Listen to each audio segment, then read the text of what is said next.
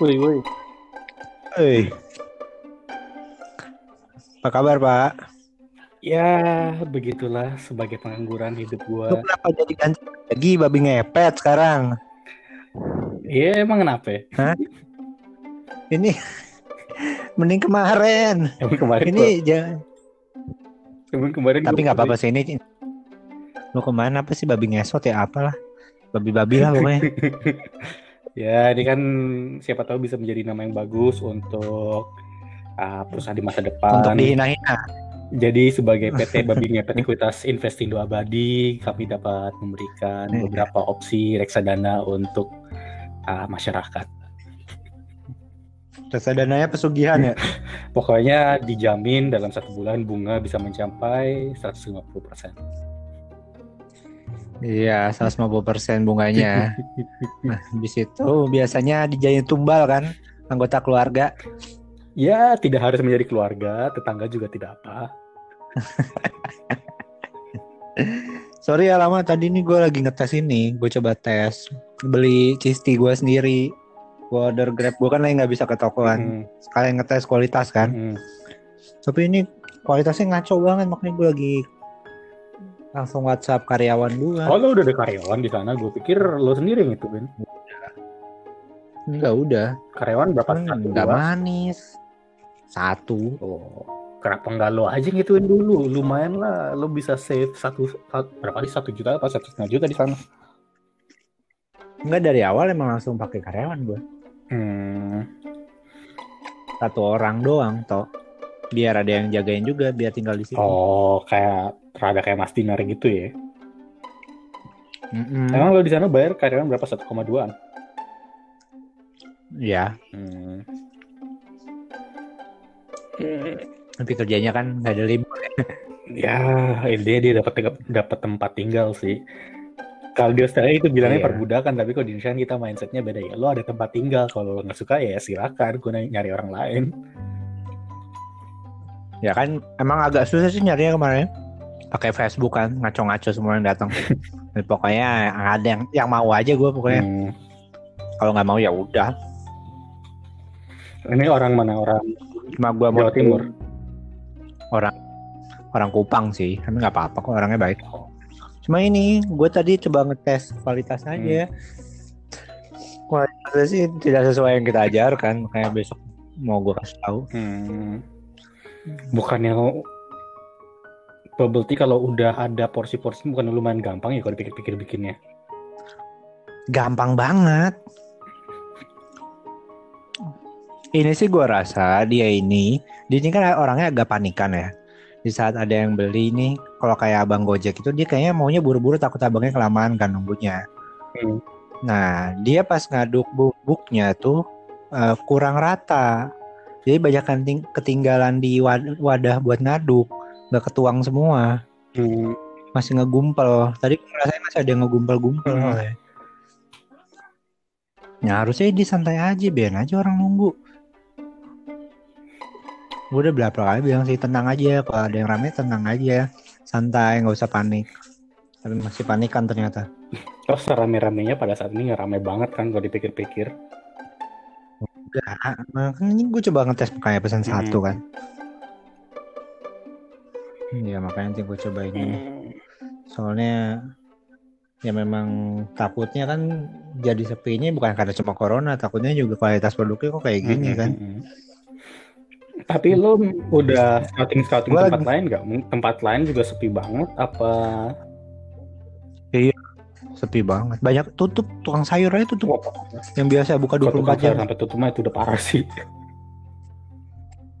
tukang sayur dari dari nyepi nggak buka-buka sampai sekarang padahal tinggal di situ orangnya. Apa pulkam dia sekalian?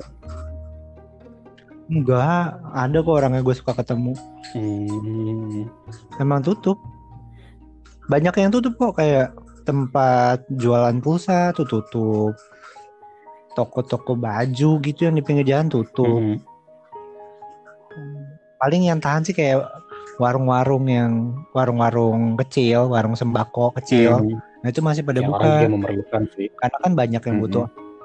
Iya butuh air, butuh apa kan? Nggak ada yang jual mati Lo juga. nggak pernah kepikiran mau buka sembako gitu coy? Hmm, susah cuy cuy. Kalau misalkan gue nggak punya pengalaman sama sekali untuk sembako tuh perintilan. Gue nggak sanggup kalau perintilan Memang banyak. banyak logistiknya sih sebenarnya. Iya, gue nggak sanggup. Gue bukan orang yang detail, bakal teteran pasti. Mhm. Tapi ya memang Harus sembako itu ya never dying industry sih. Ya sama aja kayak gue kenal dulu Iya, entah. manajer di kantor gue Tapi kan lo tahu selisihnya cuman kecil banget. tetap aja sih tapi dulu gue punya manajer manajer marketing di kantor gue doi sekolah di Amerika Hmm. macem-macem orang tuanya punya toko sembako mau dibilang gede banget sih nggak banget tapi toko sembakonya di Mampang deket imigrasi nah anaknya bisa kuliah di Amerika Hmm, rame dong. anak yang kuliah di Amerika bisa nggak ngirim anaknya ke Amerika belum tentu juga Iya. Sebenarnya sih kalau gue lihat yang sembako-sembako gitu emang harus punya kayak kekuatan negosiasi yang kuat juga sama supplier. Jadi lo bisa dapetin dari supplier itu beda 100 perak aja dibanding yang apa distributor lain. Iya, Udah untung langsung banyak. apalagi kalau lo ngejualnya Nah, itu sih. gitu Iya, kan anggapannya kan kalau misalkan kayak gitu banyak yang pakai kontrak Hmm. kan. Pokoknya bulan satu bulan gue ngambil berapa. Nah kalau misalkan lo bisa nego per kilonya untung 100 saya dibanding yang lain ya, lo lebih untung lah lo bisa jual ke orang lebih murah dan orang bakal beli ke lo iya semua. benar Itu yang kayaknya gue nggak bisa. gue orangnya nggak bisa nawar.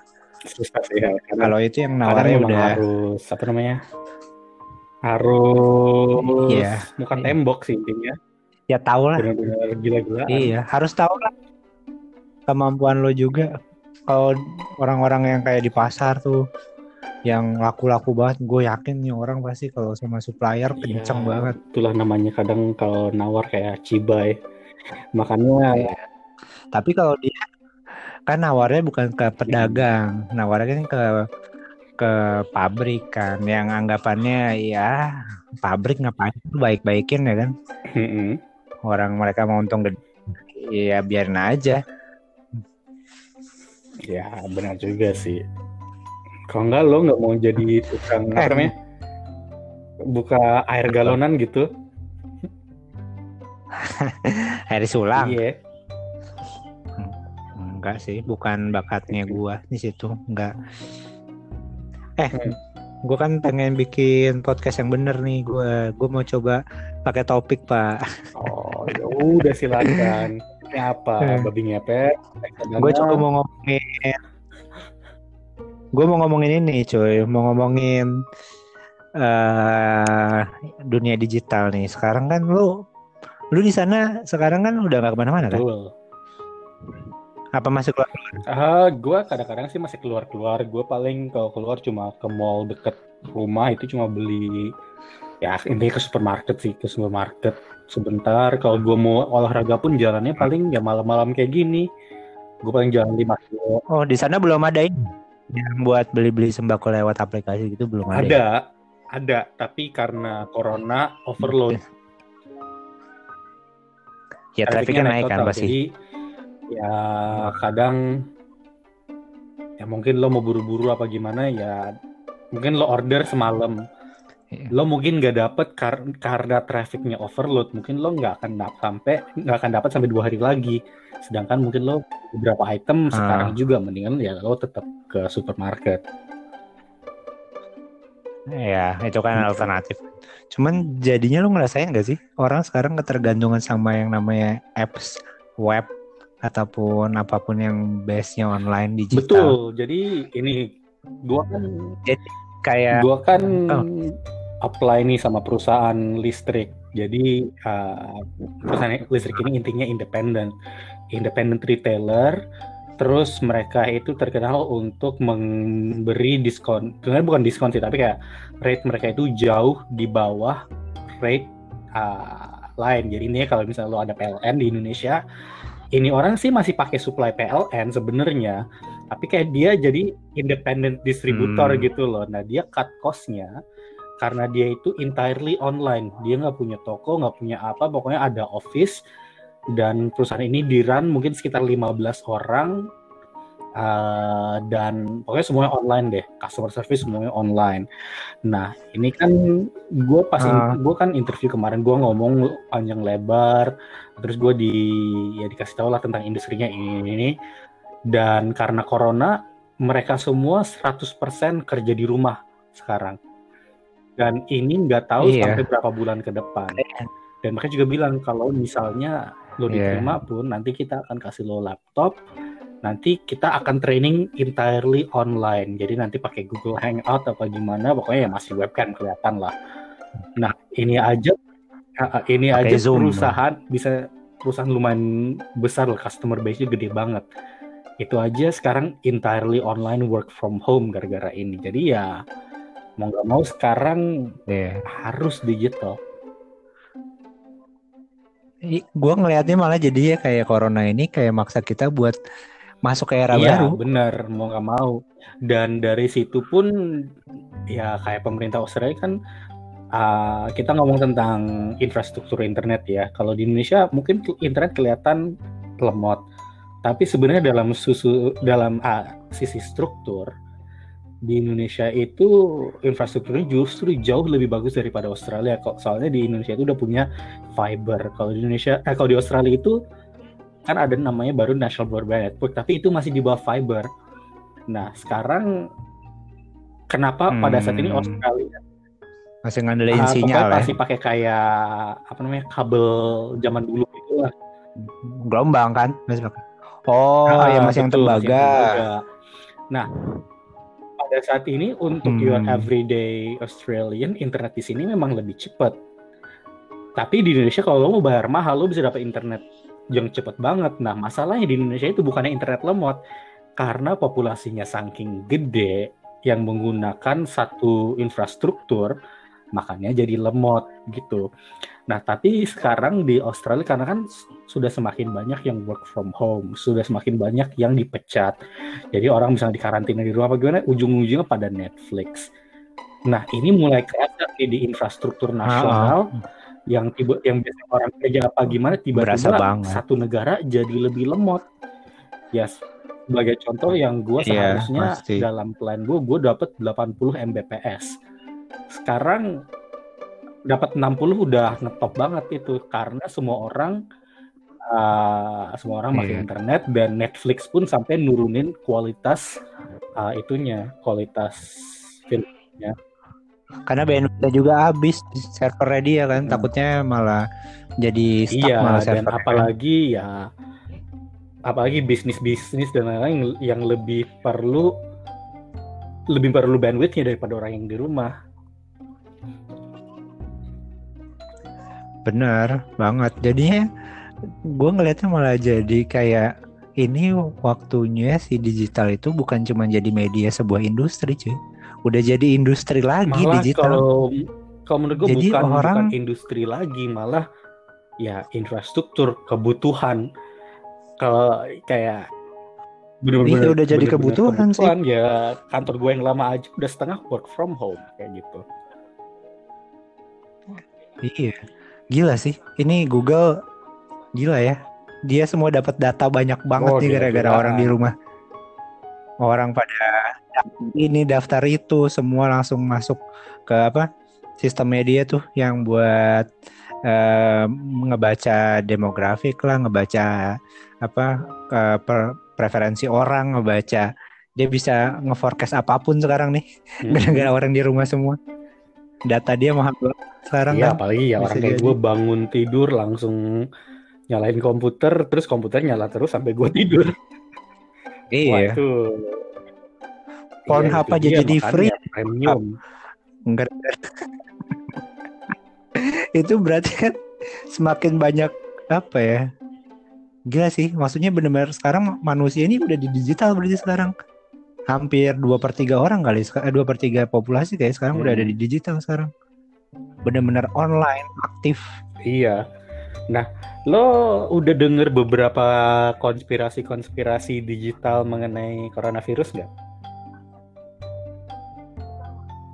Nah, kalau yang digital Nah, gue belum ini dia kebetulan gue bukan teman sih gue ada kenalan di Australia. Kebetulan dulu enam tahun yang lalu gue pernah kerja sama doi nah ini orang itu tuh? Hmm. gimana ya tipe-tipe kayak hippie new age gitu ya bener-bener percaya sama reiki Ah, uh, per- yang anti vaksinasi bla bla bla gitulah tipe orangnya nah dia dia kerjanya sekarang sebagai Ah. energi terapis itu itu kata dia nah wadaw. Apa nih Bukan, yoga? Lewat yoga gitu. menyembuhkan lewat reiki gitu lah jadi kalau misalnya gue lagi debat sama dia dan dia merasa ya Cakra, kalau cakra. dia merasa kalah nanti bilang aduh vibration gue jadi bad nih gara-gara gue ngomong sama lo gue harus istirahat dulu. Tipe-tipe yang kayak gitu. Nah ini orang bule. Orang bule kebetulan pernah merit sama orang Indonesia. Nah dia ini bener-bener yang namanya Ah, anti vaksinasi, government conspiracy, bla bla bla. Nah dia itu percaya banget bahwa kenapa banyak banget orang kena coronavirus. Dia itu percaya ini gara-gara 5G. Nah kalau di banyak negara luar kan udah mulai pindah ke 5G kan. Kalau di Indonesia masih 4G. Nah dia itu Hmm. merasa kalau 5G itu sinyalnya dan frekuensinya jauh lebih kuat daripada 4G dan itu membuat efek yang sangat negatif ke badan manusia dan dari situ dan karena 5G ada efek negatif imun sistem manusia jadi down makanya orang banyak yang kena coronavirus dan banyak yang mati. Nah itu konspirasi theory dia. Nah dia kan coba debat kebetulan gue gue sendiri kan punya experience militer. Dan apalagi gue di angkatan laut gue ngerti banget tentang radar dan sinyal dan macam-macam. Kebetulan gue dulu untuk tiga bulan gue pernah menjabat sebagai electronic warfare officer. Jadi lo mau ngomong frekuensi sama gue wah gue siap aja lo debat sama lo. Sedangkan ini orang ya namanya intinya kayak emak-emak anti vaksinasi yang nggak ngerti cara research dengan bener. Oh, kayak ya gue debat-debat terus gue sampai ituin frekuensi eh 4G itu frekuensinya ini ini ini. 5G itu nggak jauh beda. Oh tapi ini oh government conspiracy gue balikin lagi. Lo ngeri sama 4 lo ngeri sama 5G yang sebenarnya sinyalnya nggak terlalu beda sama 4G sedangkan setiap hari di udara banyak pesawat lewat pakai radar dan lain-lain yang frekuensinya jauh lebih tinggi. Tapi lo nggak takut. Oh.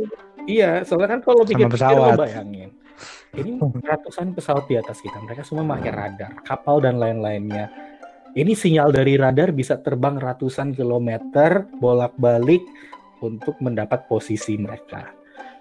Tapi ini masa 5G doang takut. Ya kita nggak tahu sih. Mungkin one day 5G itu sebenarnya parah. Tapi kalau gua yang gua dari lihat dari frekuensinya ya it shouldn't make too much difference sih dibanding 4 maksud gua sih kayak Hmm.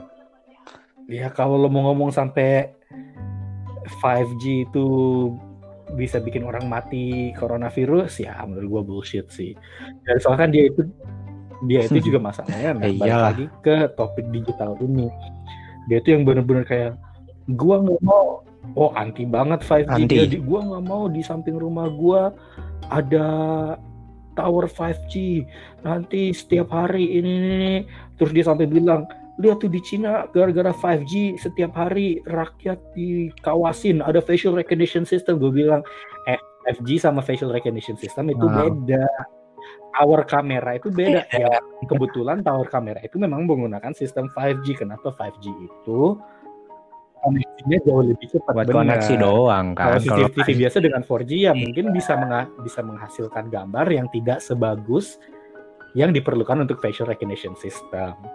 Tapi kalau ngomong dia bener-bener oh dengan 5G nanti Hmm. kita akan dikawasin setiap hari, ya itu kan kebetulan Cina memang kayak gitu. Lo ke Indonesia, lo ke Australia mau kayak gitu belum tentu juga. Governmentnya nggak ada budget, coy. dia ini sama kayak yang Sunda Empire ya pak ya? kan halu ya ya gimana ya gue kan oke gue sih tipenya gue open minded aja ya gue dalam semua hal lo mau ngomong tentang setan kayak mau ngomong tentang apa kalau lo bisa ngasih gue bukti yang scientific gue akan percaya Hmm. mau kayak gimana kan seorang nggak percaya vaksinasi oke lo ada bukti bukti saintifik gak yang membuktikan bahwa vaksinasi itu nggak bagus. Nah dia ini buktinya ngasih gue link YouTube. Iya.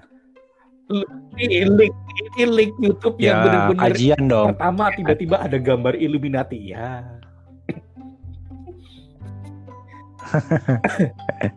Ya, berarti dia itu sebenarnya mungkin orang yang kayak gitu ya. Sebenarnya dia tahu sebenarnya hal yang dia sampaikan ini sebenarnya masih diragukan. Cuman dia memilih sesuatu yang menurut dia challenging buat dirinya sendiri juga. Kayak dia harus menggali lagi, menggali lagi.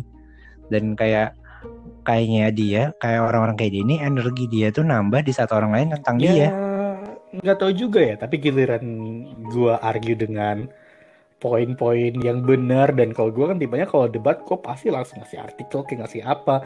Eh, aduh vibration gua jadi gak bagus nih ngomong sama lo. Gua harus istirahat dulu.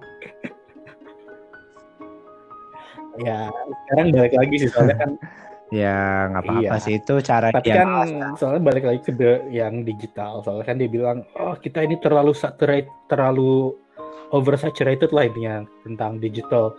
Ini gua kena sinyal ini, gua merasa Hmm. uh, badan gua udah nggak bagus dan imun gua down. Terus jangan sampai, nah itu dia. Terus Tapi dia dia punya kayak, handphone. jangan sampai kita melebihi dari 4G ini ini. ini. Uh, soalnya kita ini sudah at the peak. Pokoknya kayak dalam teknologi dia itu kayak eh, intinya kayak kita mau sampai sejauh apa sama teknologi kalau kita semakin jauh nanti semakin banyak efek negatif ke badannya. Nah, gue balikin, lo mau ngomong kayak gitu. Australia itu sebenarnya Hmm. dibanding negara lain itu bener-bener purba lah intinya dalam hal teknologi. Kadang kalau mau banding sama Singapura, lo banding sama Jepang dan lain, Australia itu bener-bener backwards banget bisa dibilang mungkin Australia 10 tahun di belakang Singapura dan Jepang dan Amerika kalau ngomong tentang teknologi. Nah, kalau Australia aja dia nggak siap, dia kalau ke Singapura mau ke Jepang tiba-tiba badannya meledak gitu.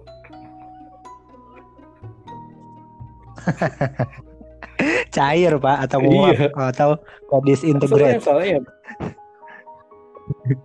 soalnya Karena ya emang bener. frekuensi anjir. Australia ini dibanding beberapa negara kalau ngomong teknologi itu memang lumayan lumayan backwards. Kayak ya negara lain udah nyampe mana mungkin kita Iya, di sini iya. masih pakai ADSL apa gimana gitu. Ya ada positifnya ada negatifnya. Tapi ya itulah. Makanya ini juga orang pada kalau di sini kan perdana menterinya juga bilang lo kalau bisa work from home tapi kalau nggak bisa work from home tetap kerja soalnya ekonomi harus jalan soalnya itu juga dalam banyak hal juga kayak Iya. dengan lo kerja di kantor daripada lo di rumah Netflix terus bisa hancur total juga tuh infrastruktur digitalnya Iya. Sebenarnya sih gue nggak pernah apa ya. Gue tuh sebenarnya setuju sama lockdown itu Hmm. bukannya lockdown yang utuh gitu ya. Tapi yang tetap ekonominya tuh tetap jalan cuma cuma sekali lagi kalau di Indonesia gue tuh ragu kalau ditetapin di Indonesia yang yang Hmm. semi lockdown gitu karena nggak jalan kan. Kalau orang ke supermarket masih pada nempel, orang ke Alfamart nggak bisa nggak mau jauh-jauh tuh ngantri Hmm. masih aja nempel-nempel di belakang. Itu sih yang jadi masalah. Jadi emang gimana ya? Emang susah sih kalau di sini tuh eh, edukasinya kurang banget, literasinya kurang banget. Ya mereka masih nganggep remeh yang namanya virus apa sih nih? Virus corona doang. Kan gitu. masalahnya Main juga sih balik lagi kan undang-undang yang kita udah pernah diskusiin yang kalau ada lockdown pemerintah memang harus mengasih Iya. untuk kebutuhan dasar dan secara finansial Indonesia Iya. sama sekali tidak bisa untuk Tapi handle itu Tapi sejak habis G20, IMF turun tangan, Bank Dunia turun tangan, mau ngasih pinjaman, mau ngasih bantuan, kan Jokowi mulai ngelunak kan. Maksud gue ini bukannya harusnya dijadiin eh, strategi di awal ya. Harusnya di saat ada tahu kayak gini, ada serangan pandemik yang harus dilakuin emang Iya. harusnya benar-benar lockdown dulu. Soal Tapi duit dicari belakangan. susah sih Kan masih masalahnya banyak sumber. Indonesia itu bukan dalam posisi finansial yang bagus kayak kalau Australia ya dalam beberapa hari gue ngasih lo link Australia bisa ngasih ini ini karena memang kebetulan Australia itu dalam Hmm. posisi finansial yang lagi bagus. Iya.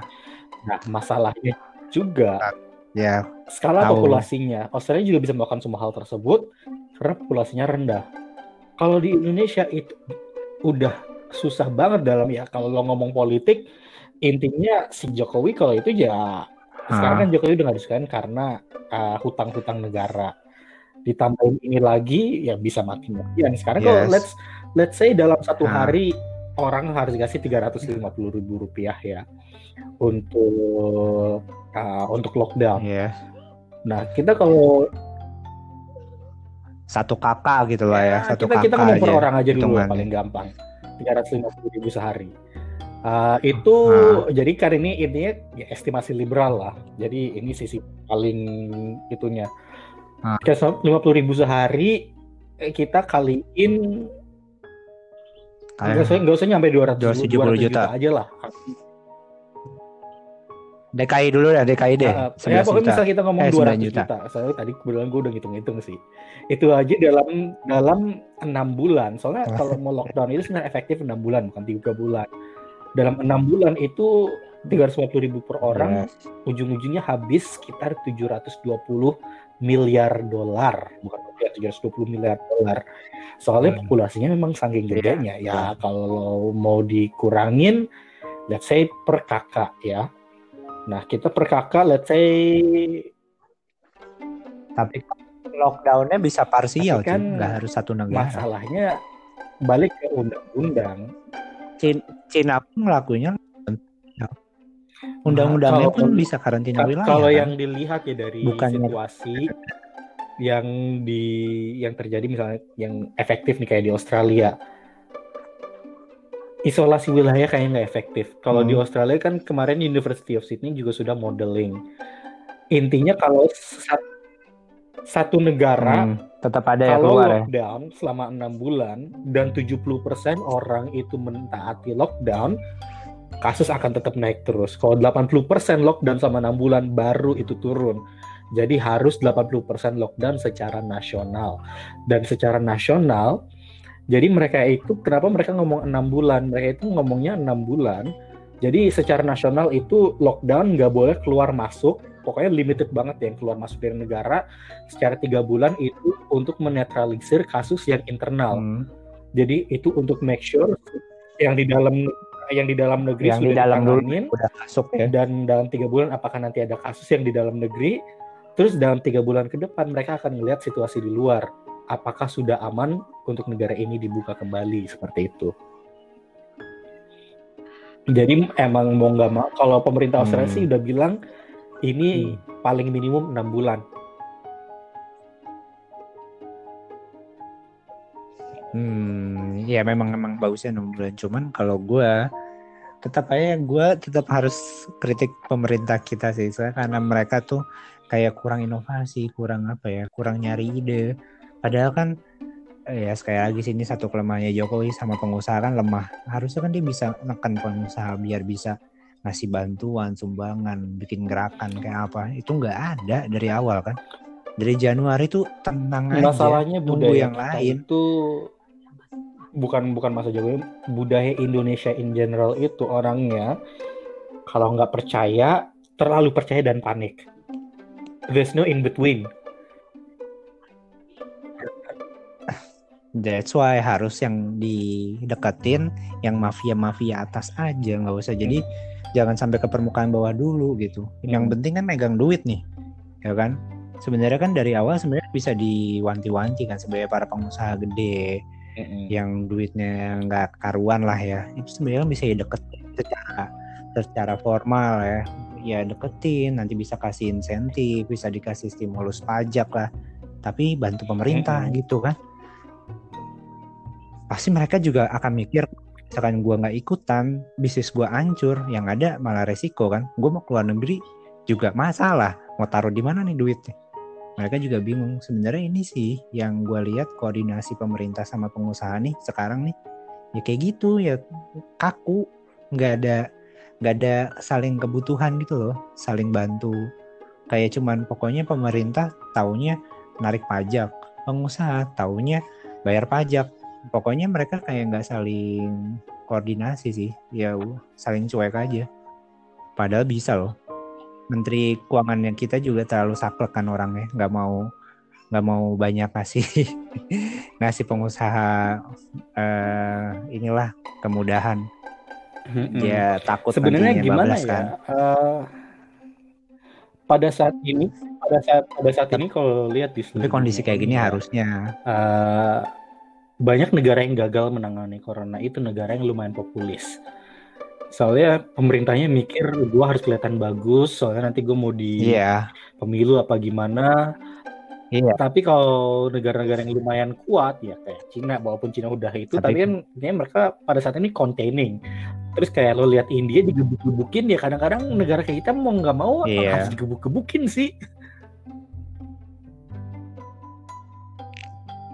Ya karena kan soalnya tingkat edukasi dan literasinya kan nggak sama kan, nggak setara satu level. Kalau satu level kan satu informasi cukup disebar sama pemerintah satu informasi pemahamannya sama. Kalau di kita kan uh, tafsirannya berbagai level beda-beda kan. Yang di level atas gimana, yang di level tengah gimana, yang di level bawah beda lagi. Makanya susahnya di situ sih. Pendidikannya kan belum merata kita. Dan gue gara-gara corona, maksudnya kepikiran gak sih lo kalau misalkan uh, kalau gue malah jadi kepikiran ya, ya emang kita kayaknya harus terjunnya emang di industri digital deh kayaknya emang ya. Kalau emang mau maju ya ke depannya ya, kayak kita emang nggak bisa konvensional lagi sih. Kalau misalkan ada kayak gini, ada hambatan-hambatan kayak gini, benar-benar jadi barrier banget. Sedangkan digital nggak ada masalah. kayak udah dipersiapkan buat segala macam kondisi. Ya mungkin 20 ya, tahun ke depan 20 tahun ke depan sudah pasti semua hal yang kita lihat sekarang sudah benar berbeda nggak usah jauh-jauh. 20 tahun yang lalu aja kita masih ngerjain tugas apa nggak usah 20 tahun yang lalu 15 tahun yang lalu zaman kita kuliah aja 10 tahun berarti pak 10 tahun iya, yang lalu lah maksudnya kayak bukan baru lulus 10 tahun aja, yang lalu yang namanya nge-YouTube dari HP itu aja masih aneh kan. Masih aneh banget. Gak punya aneh. kuota kayak apa kayak Dan HP gak ada juga yang masih belum tentu eh, smartphone. Gue zaman kuliah sih sekarang dan kameranya butuh banget mengeluarkan pakai handphone. Orang belum tentu perlu laptop. Banyak orang survive tanpa laptop. Ya lo, for example, bisa aja survive cuma pakai HP. Yeah. Uh, walaupun gak enak. Bisa kok gue bikin Excel pakai handphone. Iya. Excel Word tuh pakai handphone semua. Iya. Kalau nggak enak ini kan sebenarnya karena perangkatnya nggak disam nggak dibarengin sama perangkat supportnya. Mungkin -hmm. kalau gue punya keyboard Bluetooth enak-enak aja. Jadi nggak ada masalah kan sebenarnya. Sebenarnya cuma butuh support -hmm. apa perangkat bantuan aja sih. Gak gue jadi kepikiran kalau misalkan kayaknya kita emang harus mulai dari sekarang tahu? Hmm, masuk ke dunia digital. Gue tuh lagi kepikiran mau bikin usaha bener-bener yang base-nya tuh bener-bener digital. Jadi emang semua operasionalnya dari digital.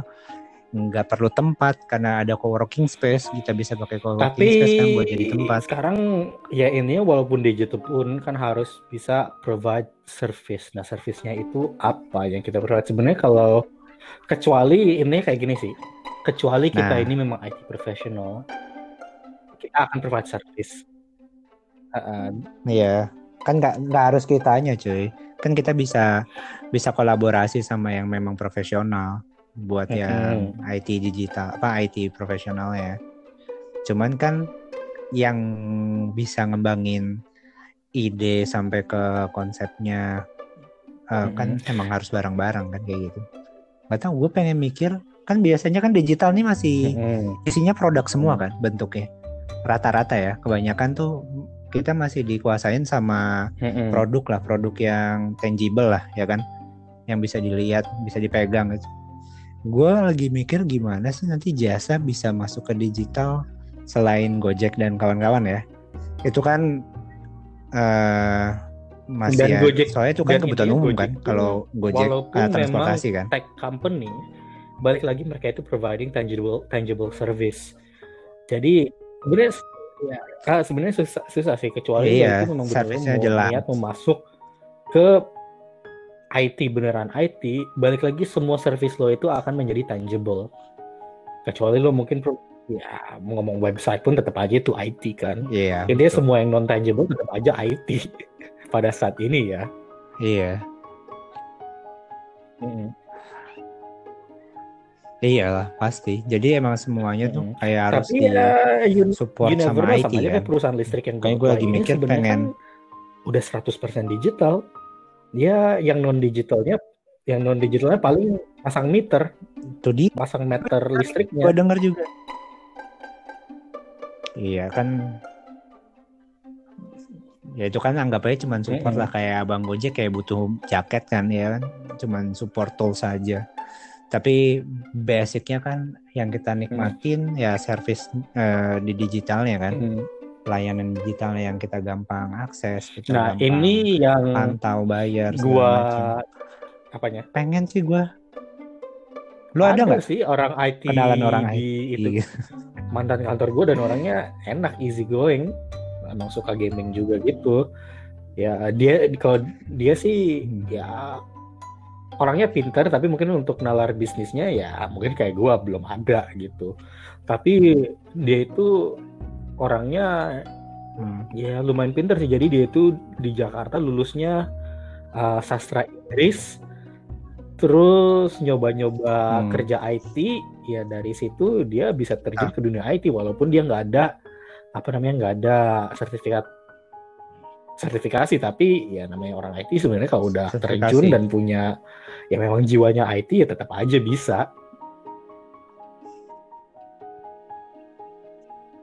Hmm, tapi emang butuh profesional sih. Tadi malah gue pengennya rencananya tuh, eh gue kalau misalnya bikin perusahaan IT ini, yang gue masih bingung servisnya atau produknya apa. Eh gue cuma pengen butuh cuma tiga orang aja sebenarnya profesional profesional orang itu ya lo ngelihat orang profesional itu lo ngelihat dari experience jangan lo lihat dari sertifikasi as- apalagi di bidang IT soalnya gue ngeliat kayak orang IT yang kantor gue ini dia itu belajar soalnya kan dulu juga gue kebetulan ada customer service agent juga yang sekolah malam menjadi untuk IT nah gue bisa ngelihat nih. Nah gue ngeliat ini sekolah orang programming IT ya? kantor gue ini belajar dari kantor gue itu dapat pelajaran jauh lebih banyak dari apa yang kuliah dapat mengajari soalnya dengan kerja di kantor gua dia itu Hmm. handling dari communication sampai server sampai coding macam-macam terus dia dibimbing se- sendiri dan dia dibimbing secara langsung dari sendiri. engineer-engineer IT di pusat di Singapura yang orang-orang India yang emang Pusat. engineer jadi otomatis dia belajarnya wah cepet eh gue nggak bisa ini coba eh Iya. hard wiring ini dia jadi bisa gitu. Sedangkan di kampus lo belum tentu diajarin server hard wiring. Iya. Memang nggak ada, memang nggak ada barang-barangnya, coy. Ya, sebenarnya kalau sekarang kalau soal yang programming gitu emang nggak gitu bagus sih di sekolah. Yang bagus itu malah yang eh, kayak apa ya Hmm. kayak skill skill school gitu loh. Kayak si Purwa Purwadika gitu. Ya emang benar-benar dia ngajarin sesuatu nih yang konteksnya emang dipakai sama industri. Jadi dia nggak ngomongin teori, tapi dia ngomongin praktek aja. Jadi nggak kenapa eh, terus belajarnya cuma bentar, ya karena yang di yang diajarin cuma yang yang yang konteksnya dipakai gitu yang real yang praktis gitu yang praktisional gitu nggak cuman di- misalnya lu sekolah kan kuliah eh, IT programming lu belajar semua kan Hmm. sampai ke Pascal segala macam lu pasti belajarin kan. Nah, kalau ini enggak makanya bagus yang kayak gitu tuh dan mahal sih emang sekolahnya. Tapi cuma bentar dan langsung apa ya ada koneksi industri yang kencang banget. Pasti soalnya perusahaan-perusahaan yang mau cari orang eh, punya skill yang langsung Mm-mm. bisa dipraktekin kan? Banyak banget sekarang kan. Soalnya banyak kan kalau yang lulusan-lulusan kuliah. Dia emang lulusan kuliahnya IT cuman pas udah lulus misalkan disuruh bikin web aja pasti nggak praktis nggak sesuai sama eh, industri yang ada. Karena mereka belum pernah turun kan? Gimana nanti customer service-nya? Gimana nanti soal eh, penyimpanan dokumen data-data segala macam pasti belum kepikiran ke sana. Mana yang restricted mana yang enggak yang bisa dibuka secara publik Mm-mm. mana yang enggak. Emang harus yang itu sih yang soft skill tapi fokus tuh yang belajar-belajar kayak gitu. Nah gue pengennya sebenarnya bukan langsung jadi partner gue lebih suka malah eh, beli putus aja jadi kayak vendor Hmm, kalau Mahal nggak ya kayak gitu ya? terus terang kurang tahu. Tapi kalau gue lihat-lihat sih banyak cuy, kayak eh, yang bikin jasa-jasa yang bikin web, jasa-jasa yang bikin aplikasi Android itu rata-rata ya yang gue coba cek sih kayak di blog-blog gitu di YouTube harga 300 ribu aja bikin aplikasi Android udah lumayan keren loh. Tapi emang sederhana banget. Pokoknya eh, belum nyampe ke eh, pembayaran, belum ada bisa metode pembayaran, belum ada bisa eh, penyimpanan data. Cuman lu udah bisa operasional. Mm-mm. Orang order masuk orderan tuh udah bisa. Sebenarnya sih balik lagi 200 dalam ribu loh bisa bikin kayak gitu. Mau provide service Maksud apa? Kalau mau provide apa namanya? Iya. Menurut gue sih untuk orang awam kayak kita tetap aja provide tangible service walaupun memang lewat uh, digital itu tetap lebih bagus dan karena demandnya juga tetap lebih banyak. Soalnya lo mau lompat into completely digital, pertama menurut gue marketnya udah lumayan lumayan oversaturated dan kedua kita sebagai orang non teknis susah soalnya kita sendiri kurang ngerti apa yang diperlukan dari sisi digital kecuali lo sendiri mau coba mungkin belajar coding apa gimana dari rumah lama-lama lo bisa pick up gitu kayak apa yang diperlukan dan lain-lain Hmm. Ah. Tapi kan kalau nggak salah kalau misalkan gua beli kayak ini kan gue baca ya kalau gue beli aplikasi Android gue bikin gitu nanti itu gue Mm-mm. dapet manualnya sebenarnya gue dibikinin manual cuman yang buat di uh, aplikasi gua doang. Jadi sebenarnya nanti kalau misalnya gue mau edit ngedit apa Hmm. ganti apa gue bisa sendiri. Karena nanti dikasih manualnya. Misalnya gue mau ganti background gue mau ganti apa itu nanti dikasih tuh di SQL-nya ya. Gua kurang gimana sih itu yang buat gantinya? Ya. Ya, pokoknya di itu nanti dikasih tahu sih sebenarnya. Dikasih manual lah dan kayaknya kalau apa orang kayak kita mah baca itu masih bisa ngoprek-ngoprek pak. Masih bisa diganti-ganti. Kan paling codingnya cuma coding-coding yang yes no yes no doang tuh yang paling susah kan. Kalau produknya banyak pun kalau produknya banyak baru susah. Kalau produknya baru dikit mah gampang kok. Yes no yes no nya cuman apa? Ya cuman probabilitasnya kan kalau misalkan produknya dikit jadi nggak terlalu Hmm. banyak turunan eh, if-nya tuh. Bagi yang variannya cuma dikit. Kalau gue sih nggak pengen barang malah cuy. Gue lagi kepikiran tuh nggak kepengen barang. Ataupun kalaupun barang gue nggak Hmm. kepengen yang barangnya harus gue stok ya kayak dropshipping gitu lah. Tapi nggak nggak nggak tahu sih gue kalau barang kayak kayak susah karena itu kan produk bukan gue yang buat.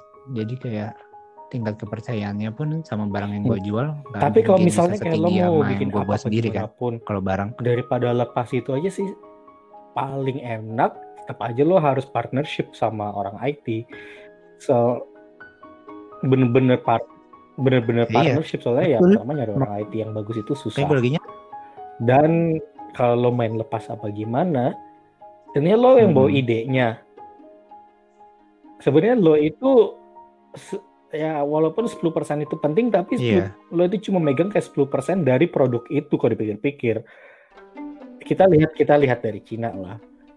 iPhone oh, Yes. ya Amerika bikin iPhone di Cina karena Cina yang handle mungkin 80% dari produksi ya intinya banyak banget kopian iPhone dan Produksi, lain-lain ya. yang mau pakai Android kayak apa kayak itulah yang lo harus hati-hati makanya lo harus benar-benar Iya. partnership dan lo harus bisa tapi membuat apa namanya ya dia care tentang produk itu jadi kayak lo bisa kerja sama jadi dia pun nggak kabur bawa ide lo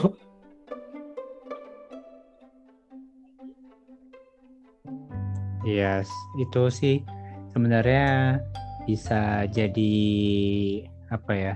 Kalau gue ngelihatnya sih nggak sebagai uh, masalah ya, soalnya itu dinamika lah.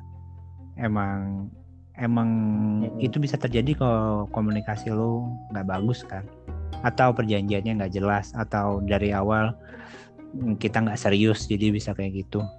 Makanya gue pengen bikin gue pengen banget masuk ke industri ginian. Kayaknya soalnya emang kayaknya sekarang udah saatnya kita yang masuk cuy. Takutnya malah kalau gue telat uh, habis ide ini semua pasti bakal jadi digital kan dan sebenarnya lebih enak kalau digital ini kalau yang mulai duluan sekarang kan soalnya exposure-nya gede kalau dulu kan exposure-nya susah kita uh, banting tulang buat masarin kan buat Tapi edukasi kan. Sih, Sekarang kan orang udah teredukasi. harus belajar coding sih. Mau Jadi kayak pun ya lo tetap harus tahu basicnya. Coding, jadi lo pun juga ngerti basic lah uh, produknya. Hmm. Pengen nih gue cuman ya, belajar di YouTube lah YouTube banyak dari orang India atau banyak toh banyak IT profesional juga tetap kayak engineer bukan. dan lain-lain kan ada meme ya. Kalau bukan karena engineer nggak jelas yeah. dari India, mereka nggak akan lulus kuliah.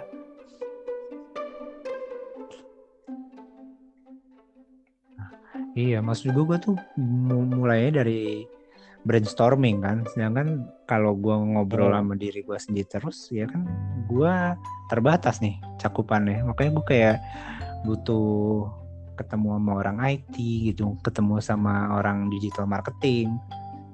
Karena cuma itu sih yang paling penting. Digital marketing, orang IT, bisnis digital kayak jalan. Digital marketing sih, gue sih beli sih kemarin tuh uh, di ruang guru cuy. Digital marketing lagi gratis. Nah, itu gue beli uh, pembelajarannya gue tonton pelan-pelan. Lumayan oh. cuy, banyak yang gratis tuh di Skill Academy dan langsung dapat sertifikat loh. Lu lu punya apa email ada berapa ya, banyak? Tinggal bikin Pokoknya satu email, bisa satu gratis bikin. kelas.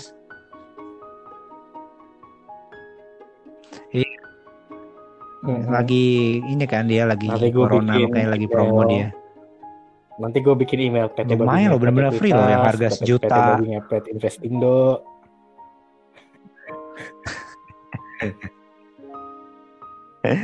Tapi lumayan bagus sih. Gua nonton videonya dan kayaknya enak banget belajar dari belajar dari apa? Dari digital juga enak banget sih. Lebih praktis.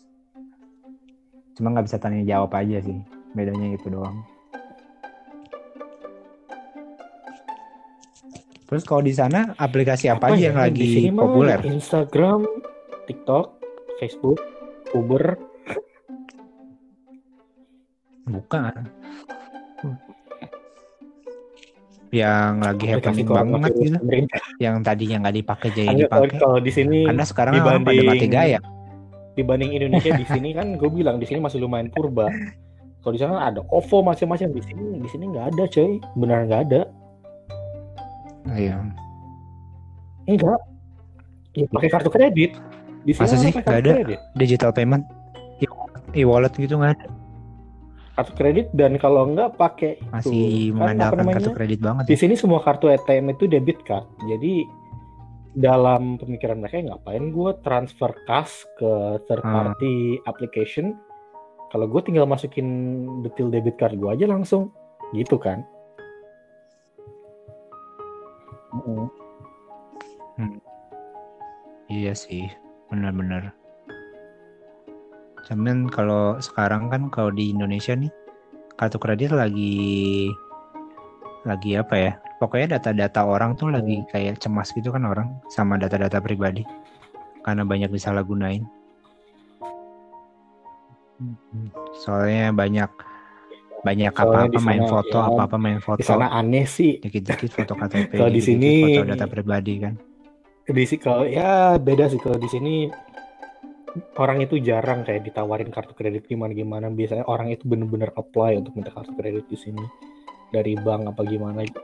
Jarang banget. Katanya orang di samping ginjal di samping eh, kayak di kantor-kantor eh ini nih kartu kredit ini enggak gue nggak pernah ngeliat biasanya ke dari bank kalau enggak bisa ada yang third party kartu kredit mereka itu offeringnya hmm. misalnya kayak lo beli TV di toko retailer terus lo mau nyicil sekalian ditawarin eh ini pakai hmm. kartu kredit ini nyicil hmm. dapat berapa persen gitu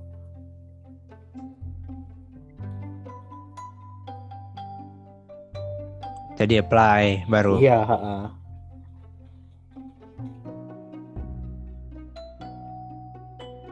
Hmm. Kalau di sini soalnya kan banknya tuh benar-benar ngandelin fee base banget cuy.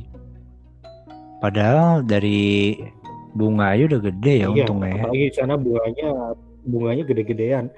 Tapi cuman masih padahal cari fee base aja. Orang yang dapat yang ngotot mau minta free annual fee banyak loh kalau di sini kan jarang ini lo gak meet kriteria lo gak akan dapet kalau di sana kan eh nanti Banyak. saya akan pindah kartu kredit. Dikasih gitu.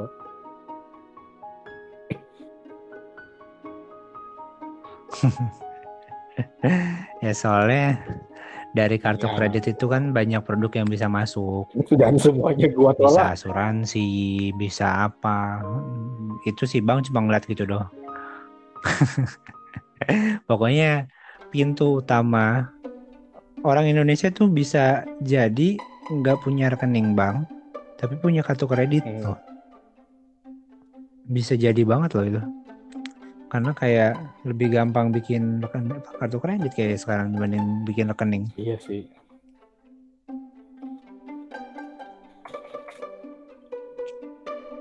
Iya, aneh deh pokoknya. Apanya? Ya, mantep lah. Tapi di sana lagi gimana cuy? Masih aman-aman aja kan? Di tempat lo? Hmm, di kota, kota lo masih belum banyak kan penyebaran banget deh. Tapi kalau di sini ya total udah 4000 kayaknya di seluruh Australia. Di Indonesia mah hmm. pasti udah 20 ribu menurut gue orang Australia aja udah 4 ribu.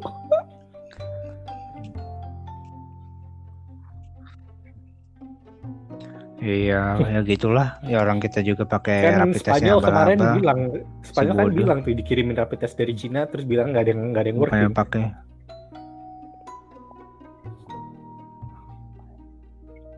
Iya, kita kan, aduh, dari awal aja pas boleh jelasin bedanya si apa rapid test yang kita pakai sama yang dipakai sama Korea. Uh, kacau banget. Maksudnya kita tuh gampang nyerah loh kalau alat yang dipakai Korea itu kan hmm. memang butuh waktu sebenarnya 24 jam ya kalau nggak salah katanya ya.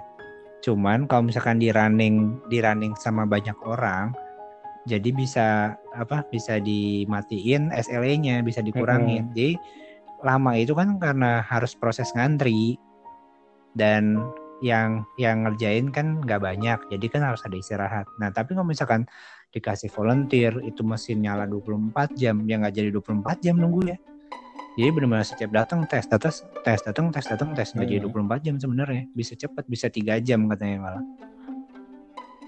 cuman kan kita kayak tenaganya kayak ya gimana tenaga ahlinya dikit ya gimana? Nggak ada yang bisa dipakai. Nah waktu itu gue dengar dari mana gitu? Uh, ada yang ngomong sebenarnya bisa mendingan semua apa semua ilmuwan ditaruh di satu tempat suruh kerja suruh ngetes lah pokoknya. Nah tesnya itu berjalan terus jadi di situ kalau sekarang kan kenapa pakai rapid test yang ini? Karena katanya kalau misalkan ngecek yang darah ini kan semua laboratorium di Indonesia bisa kan uh, ngelakuin uh, pengetesan pengecekan. Jadi makanya pilih yang ini. Kalau yang lain tuh yang satu lagi apa sih namanya ya? Metodenya tuh namanya kalau yang satu lagi tuh yang lebih akurat yang 95% ya harus di laboratorium yang memenuhi standar dan yang memenuhi standar di sini cuma ada berapa biji hmm. gitu tiga ya masa di Indonesia ya makanya jadi pilih yang murah pilih yang bukan murah sih pilih yang cepat keluar hasilnya Padahal pokoknya dapat hasil negatif aja kali-kali bukan sekali doang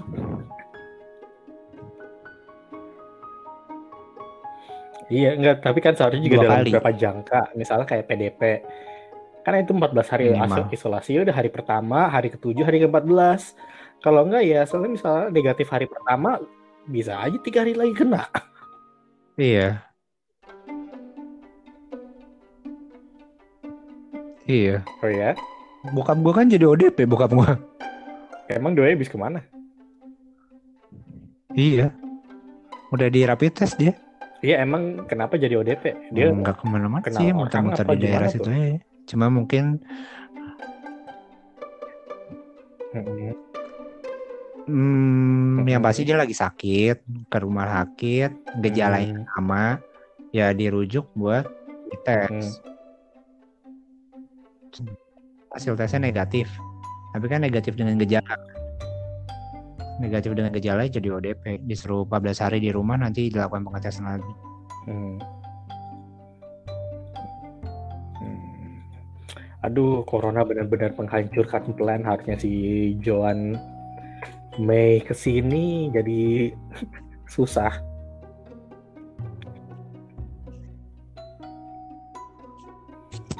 Untuk Tadi visit saya udah Mei mau ke sana. untuk dua minggu kan liburan sekarang liburan Lebaran kan ke sini. Oh. Ah, ya mau gimana ya? Kayak gini cuy. Ini parah banget sih. Emang sekarang kayak cuman mikirnya semoga tiga bulan lagi kita masih hidup dan hidup sih hidup Tapi kayak gini. masalahnya kita lihat nih ekonomi kayak gimana dalam satu tahun ke depan ini kayak ini global financial crisis yang orang bener-bener nggak expect gitu Mm-mm. iya benar-benar krisis global sih. Kacau ya. Mm-mm. ya Ya baik-baik deh lah di sana. Udah bosen lo banget sih. jadi sehari-hari kagak cuma di keluar-keluar. kos-kosan sama ke toko gitu doang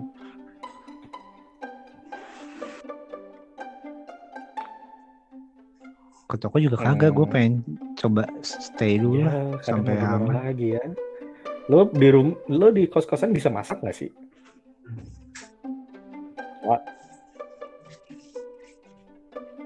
Bisa. Pakai ini kan gue Hmm. kompornya kompor ya eh, induksi soalnya. oh iya ya mudah-mudahan Dia nggak ada api. semua selesai dengan cepat balik ke hidup normal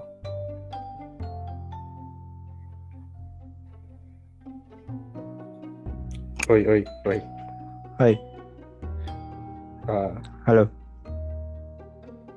Ya, sinyal udah mulai jelek ya. kayak Ini anchor tuh kalau misalnya udah lebih dari 30 pergi menit udah lumayan jelek. udah waktu gratisan udah selesai